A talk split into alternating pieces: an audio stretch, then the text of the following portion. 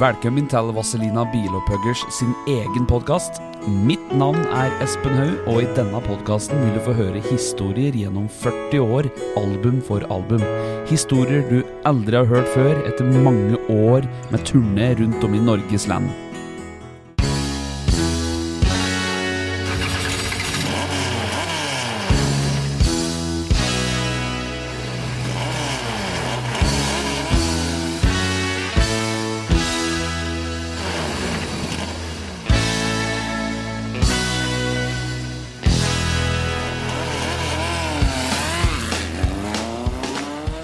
Vazelina-podden.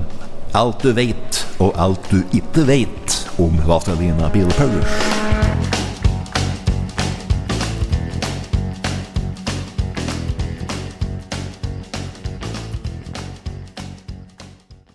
Da er det slik at uh, Vazelina-podden er klare med enda en fantastisk podkast. Det er Eldar Vågan som sitter her ved stuebordet sammen med pianist Kjell Noland. Du spilte jo piano med oss i flere år, du, Kjell.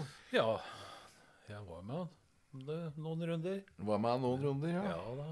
Og så spilte du elektrisk orgel og, og faktisk og Rhodes piano. Ja. Og synthesizer for en Totenbjørn. Ja, da. I Unacorda. Ja, det stemmer. Og i Unacorda så var det òg med en trompetist som het Viggo Hansen, het den da. Ja. Viggo Sandvik. Viggo Hansen på trompet. Så du har eh, du er historisk tautnytter, Vazelina. Du hører med på mye, mye rart. Ja, det har jeg. Holdt på å si fælt, ja, men mye. mye. Litt hardt. ja, men jeg syns det var veldig koselig å være med dere. Ja. husk, husk på det, eller at jeg, jeg brukte å si det når vi kommer med at vi er på turné, at når vi er på ferie. For at, du vet at når de kara de måtte ut og signere plater og pressekonferanser og slik, og da, da gjorde jeg òg jeg ville. jeg. Ja. Gikk og rusla og så meg rundt omkring. Satt og så Så, på, ja. ja, ja da. Jeg kom på en historie. Vi skulle åpne et kjøpesenter i Fredrikstad, og da ble vi enige om at du skulle gå inn først. For du, pianoet da sto bakerst inn at veggen, bak pølsen, og så skulle vi komme inn da, vet du, da jeg ble presentert. Og du satt jo der og blomstret, og så var det taler fra senterleder og ordfører og den ene etter den andre, vet du. Du satt jo der, og du måtte jo late som om du var interessert i det. Du, du kunne liksom ikke er helt tur, av. Ja, nei, men jeg syns det ble mer riktig da. Ja, vi satt og følte med. Ja da. Det var jo sikkert en god, fin dag for dem, så jeg kunne ikke gjøre, noe noe forkleinelse på det, syns jeg. Nei. Så det Første, første gangen du spilte med oss, da var det jo på et juleprogram da, som vi skulle lage. 81. Det ble spilt inn til NRK. Det var ikke noe plan på hva vi skulle spille, og slik, men vi skulle bare være med i et juleprogram. Og da skulle det være Jeg tror det var live, jeg. var det da? Eller var det, ble det spilt inn? Studio Åh, jeg vet du For um, eh, Nei, vet du, da huset jeg ikke det. Nei, Vi spilte romantikk og rytme. Så spilte vi rockabilly-boogie, tror jeg. Å Å ja, ja, oh, ja, ja, ja. Du, du, ja, det stemmer. Men, men, men det var bare sånn at uh, På en måte at jeg møtte det på Lygna og satt, med, på det, satt, med, satt på med deg til Oslo. Ja. Og, men noe regi der kan jeg ikke si at jeg kan huske. Det var så veldig stram. Vi tok det litt på hælen. Ja. Jeg må jo si til det som hører på, da, at du spilte som sagt elektrisk orgel og elpiano og synthesizer med Totenbjørn i Unacorda. Og de spilte på Du er jo eldre enn meg, men de spilte på ungdomsskolen da, jeg gikk der. Og du spilte på synthesizer. Fy flate, det var det tøffeste jeg hadde sett. Det var saker. Du spilte jo uh, strykearrangementet på Honey Honey, husker jeg. Totenbjørn sang. ja. Husker jeg hadde en Det var eh, første synten jeg hadde, var en Roland SH1000. Ja. Og den var det, vet par det mer nyere synthesizer, vet, så var det flere oscillator som kunne spille polyfont. Men denne jeg hadde, den kunne du bare spille én tone om Ja. gangen med. Ja, Ja. ja. Men det var revolusjon da jeg kunne ha en slik en. ja, jeg hadde veldig mye moro av den. da. Fikk gjort Syns det var et bra verktøy. Og så hadde du Fender Roads-piano. Ja. Det var saker. Ja. Mye kostet det i 19... Til året kjøpte det 73? 74? Jeg kjøpte det i 1973, stemmer. Og da kosten tok huset var den Åge Karlsen på musikkbutikken nede i Audheimgården på Lena. Ja. Da skulle han ha 10 000 kroner for det. ja. Ja, Det var mye, det tida Ja. der. ja det var eh, Det var vel omtrent det jeg tjente da jeg hadde tjent av året med Unakoida. ja. Jeg husker jeg var ikke så gamle kar, skjønner du. men Han Bjørn, han Totenbjørn da i Unakoida, han, han eh, var veldig grei og ja. fikk støtt. Hyra til han og ja, Ja. ja, tjente bra, syns jeg. Disse kara der, de eh, Totenbjørn og så disse kara i bandet deres, de var veldig snille og hjelpsomme mot oss unge håpefulle tenåringer, husker jeg. Ja. Han hjalp jo meg med å få lyd i den elektriske gitaren, for jeg hadde jo feilkoblet, jeg hadde jo loddebolt og, og greier. Jeg vet, satt av gutterom og skulle reparere et greien der, men jeg kunne ikke det, jeg da. Måtte lære det sjøl, vet du. Og da fikk vi han reparert den, da. Og da vi, da vi begynte å bli litt eldre, jeg var 15-16 år gammel, så gjorde Atle Marking og en businessavtale med at eh, jeg skulle holde gitarforsterker og gitar og repertoar, og så skulle Markingen holde sanganlegg og lys. ja. Og den avtalen har vi hatt helt til og med Oslo Spektrum nå i 2022. ja. Og da kjøpte vi høyttalere til Totenbjørn. Det er høyttalere som du spilte på vet du, sanganlegget hans. ja. Bjørn med slik eh, Det var like blått-svart glitterstoff glitterstoff framme, og så var det noe Seas diskanthvitere i tillegg, tror jeg. ja. Han brukte mye Seas. Ja. Han var veldig begeistret for det. Ja, og det klart var det mange nok av dem, så var det jo greit nok, da. Ja da. Det vi gjorde, da, vet du, var at vi, vi laga oss litt større, finere kasser som så litt mer moderne PA-vølige ut. vet du, Så satte vi altså høyttalere inni dem. Og så var det så Markengen reparerte delefiltre og fikk det til å låte, da, vet du. Ja. Da så det, så det nytt ut, da, vet du. Å kunne stille med en PA, det var jo Det hører liksom med til greia, da, i midten på 70-tallet. Begynte å komme, det, ja. Skulle ha store forsterker. Jeg løste det med at jeg hadde en eh, Roland en gitarforsterker, og så fant jeg som regel ei tomkasse noe, noe på festlokalet. Så tredje jeg plastikktrekket, futteralet, som var over forsterkeren, jeg tredde over den kassa. Da satte jeg forsterkeren oppå, og da så du dobbelt så digert ut. Ja, ja.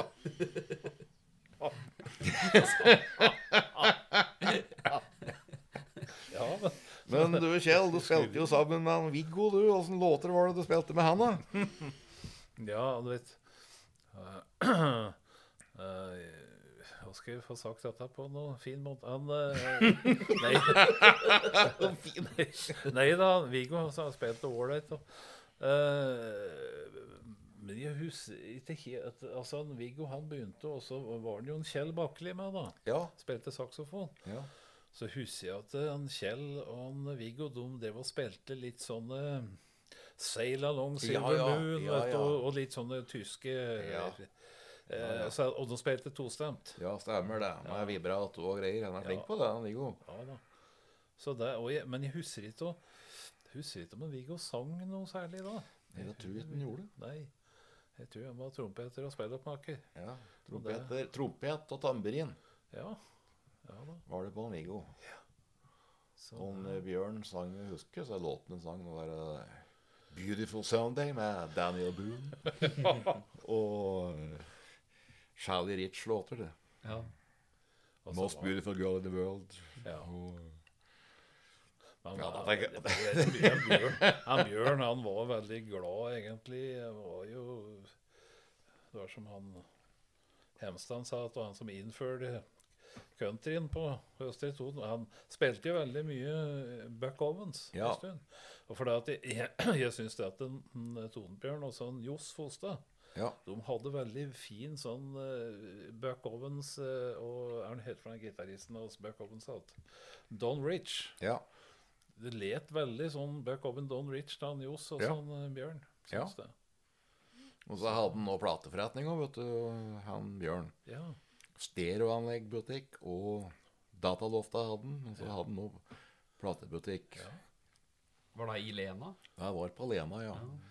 Før så var det bare én butikk, og det var musikkhandelen hans. eh, Åge. Åge Karlsen. Ja. Vi frekventerte jo der. Jeg hadde jo ikke penger, da, vet du, men det var gjennom butikken. Jeg fikk jeg hørt på noen singelplater der innimellom. Og så var jeg kamerat med han Johan Bjerke som satt og reparerte kassettspillere nede i kjelleren der. Fikk hjelp Hadde allikevel. jeg noe å gjøre, vet du, var ferdig med ungdomsskolen, så kunne jeg stikke innom der. ikke sant? Ja, Etter hvert så fikk jeg kjøpt altså, albumet som sto der, da, vet du. George Harrison-album og forskjellig. Men du er jo fra uh, Hoffsvangen, du da, vet du, Kjell. Ja da. Husker vi presenterte deg. Du er jo grav, du var jo graver. Så har vi på keyboards i dag har vi, har vi en kar kjent fra gravermiljøet på Hoffsvangen. Ja. Stemmer det. Han hadde, hadde representanter for mange yrker der, gitt. Ja. Det var noen episoder der og hørte jeg. drev og var graver. Ja da. Ja, nei, men jeg, jeg, jeg, vet ikke om jeg skal være så- sånn Litt svart humor er fint å jobbe som graver, for det er ingen av kundene dine som klager. Nei. Jeg hørte en gang om at eh, de måtte grave noe drenering ned gjennom den der eh, der. Ja, Ikke du, da, men den andre graveren fant frem bågåsaga og begynte å saga i dag som den fant ned i bakken. ja. Det ble vel drenering likevel? det. Det var Ja. Altså, var det vel noe som ikke syntes noe særlig med dette, men han, han graveren han, han påstod at han hadde, dette, dette var før han begynte å jobbe som graver. på han, Da hadde han bare tid på seg akkordarbeid. Ja. Så, så han hadde akkord, så han, så han hadde ikke stund til å fly og rydde unna. Derfor fikk han ta noen filter. Ja da, praktikere på Toten. Ja da, ja da. Og så var det veldig mye på Lillo-kaffen. Ja. Det var egentlig en veldig fin bygning, da, den Lillo-kaffen. Det, I sin tid. eh, Det, Da han var ny. eh, Ja, så du vet at du husker at Lillo det var jo senteret på Toten før eh, jernbanelinja kom. Så Ja. det var da det liksom ble flytt alene. Og, Ja. eh, Men der var, Lillo var sted, og det eh, Nå brant kaffen ned. Jeg husker Ja. ikke det var på 70-tallet en gang. Jeg husker det, for jeg gikk på ungdomsskolen, så det måtte ha vært i 3-74. Ja. Ja. Men jeg vet jo da at de gutta drev og kjørte moped i den der, og var ikke så nøye med inventaret. Det var kanskje ikke så farlig heller, tror jeg. For nei, men det var, du, så det at det var slik fordums eh, Ja. hadde vært med Veldig fin bygning. eh, Ja. Så jeg husker Det var nok kanskje på 50-tallet at eh, at vi var innom der og kjøpte is. Og fordi at vi hadde ikke bil, men så fikk vi lov til å være med en Arvid Frynberg. Han hadde Shell-stasjon på Lena. Ja. Og han hadde nok en sånn Marshall-hjelp eh, Chevrolet, slik liten lastebil. Ja. Så da var vi på 17. mai-tur på Ja. lasteplanet. Ja. Ja, da.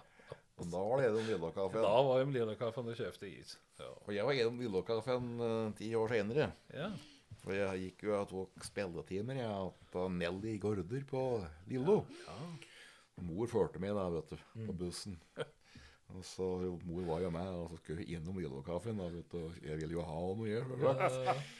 Og der sto jo han karen, da. Han hadde jo forresten pissbytta si stående rett bak glassdisken der. Så da Her kjøper vitne, sa mor.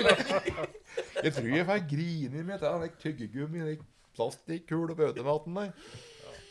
Nei, det var, nei det var, det var en litt spesiell plass, så var det. Grunnen til at vi sitter og taler på altså der plassene der, er at dette er jo med i Det preger repertoaret til Vazelina. Ja. Det er miljøet der på Toten. Alle, det var mye fornærmelig. ingen, ingen med å si at det var en del raringer utpå der. De hadde en funksjon. De drev jo med noe. Pusse noen vinduer og grov noen grøfter. Og, og rett etter bordafor der så var det to tvillinger. Ja. Enegge tvillinger som hadde et språk seg imellom, og de gikk ved siden av hverandre stått. Jeg vet ikke hvor de jobber igjen, i, men Nei, drev med noe gardsarbeid. Disse kara. du tenker på Skjellerud, kar? De, bor, de bodde der som en Tore Foss kjøpte husene. Ja, det er riktig. Nå begynner det å bli hemmelig her på podkasten, men eh, de gikk jo opp i støtt. Ja. Og så gikk de i slike mørke dresser og likt noe, for det var vel at de skulle slite ut klærne på arbeid. Ja, kan hende. De drev og planteskolen hans på Kobberstad. Ja. De, for de var på planteskole der. ja. Så jeg mener de var med å jobbe om de drev med gardsarbeid senere. Jeg er ikke sikker på. Men jeg husker altså karene. ja. Om du ble jo med også å spille tid kunne det være Det var vel etter fem filmer med ved-albumene. Gå for gull hadde vi da. Da var det en turné. Da hadde vi kjøpt et Kawai-piano Ja. ja. med strenger. Altså stage-piano med strenger. Det var jo egentlig ei lang historie der, for det var komplisert å få ordentlig pianolyd da, vet du, på den tida der. Så Lasse Hafrager hadde jo slik et Yamaha stagepiano med strenger. Vi bar oss nesten i hjel for å få lyd i det. Eh, En sånn eh, Yama Grand. Yama Grand det het, ja. Og det var i Sverige. Der var gromsaker, det. Ja. det var grom. Men du vet, det var litt avhengig av å få det stemt, da. ja. Ja. Og den turneen Gå for gull, da hadde vi laga i stand, så vi hadde rigget opp på en semitrailer. Så hadde vi øvd inn fort vi kunne begynne å spille, for vi hadde aggregat oppå der. Og så slo vi ned lemma, så var det opp med pressendingen. Men vi brukte noe, brukte noe til 2-4, men det var ikke noe greier. Og så fikk vi brette pressendingen bakover, og så var det i gang. Satte vi fra mon monitorene og mikrofonene. Nesten før jula hadde stoppet, vet du. Ja, da var vi i gang. Og så var det ute i ytterst slutt i Hardangerfjorden, ute med Mongstad. Etter hvert så berømte Mongstad. Der var det en tunnel, da, vet du. Og trailere, de var fire meter. Hver så fire meter, og der sto det 2,65 på en tunnel. Da var det jo stopp. kom det en eh, lokal eh, kar der vet du, og sa det at hvis de styrer midt i, så går det akkurat. Men det er ute på kanta i tunnelen at det er 2,65, og vi så jo da at eh, Men som sagt, hvis de er nøye med å styre midt i tunnelen, så går det akkurat. Og der gjorde det, vet du, men gikk jo veldig sakte, da. Og det ble god plass på begge sider i den tunnelen, og der kommer det en kar, vet du, vestlending med Saab Turbo med like aerofelger og greier, vet du. Og han skulle på ferje, han skulle på Flesland. Og han ble jo veldig heftig til oss, vet du, og utålmodig, og du, Kjell, løp på Så han, han kjøler forbi oss inn i tunnelen, han da. Prøvde liksom å lirke seg forbi inni tunnelen mens vi drev der med lommelykter og lyste opp under taket på den der semien. Og så Det skulle være litt høflig mot den. Ja, jeg tenkte Ja. det, det, det, Du skjønner at den, i en av bilen der så det var en full Det var familie, en, en hel familie, og de skulle ut til Syden, tror jeg. Og skulle rekke et fly på Flesland. Ja. Så at det, det var ikke, de var jo rimelig stresset. ja. Eh, og det var jo det var en far sjøl i huset som satt eh, der. Han, han var litt utålmodig. Han følte vel han hadde et ansvar. ja. Så, eh, og, og Så Ja, da måtte jeg rekke ferje, og han kom seg forbi, da. Ja. Men Ja, man forteller at du lurer på, lurer på om du skulle ha Har du hatt en kassett, sa du, Hatten? Ja, det var noe Du kan kjøre hele Vazelina-turen i et helvete, sann. Og så Ja. spant den ut ur tunnelen og kjørte den vel 150 meter. Det var ferjeleie, og Vazelina hadde bestilt ferja. Så det var bare vi og han og mor i ferja. Det visste ikke han. Nei. Men han, vi, vi hadde jo forståelse for det at han var noe trese Altså. Jeg syns altså kara var flinke. De var borti bilen og tala med altså, unga. Det var med et par unger der. Da. Så jeg Ja, da. tror de ble vel, vel forlikte til slutt. Han kviknet til, han. Ja da. Så, han var irritert, da. Ja. å ja.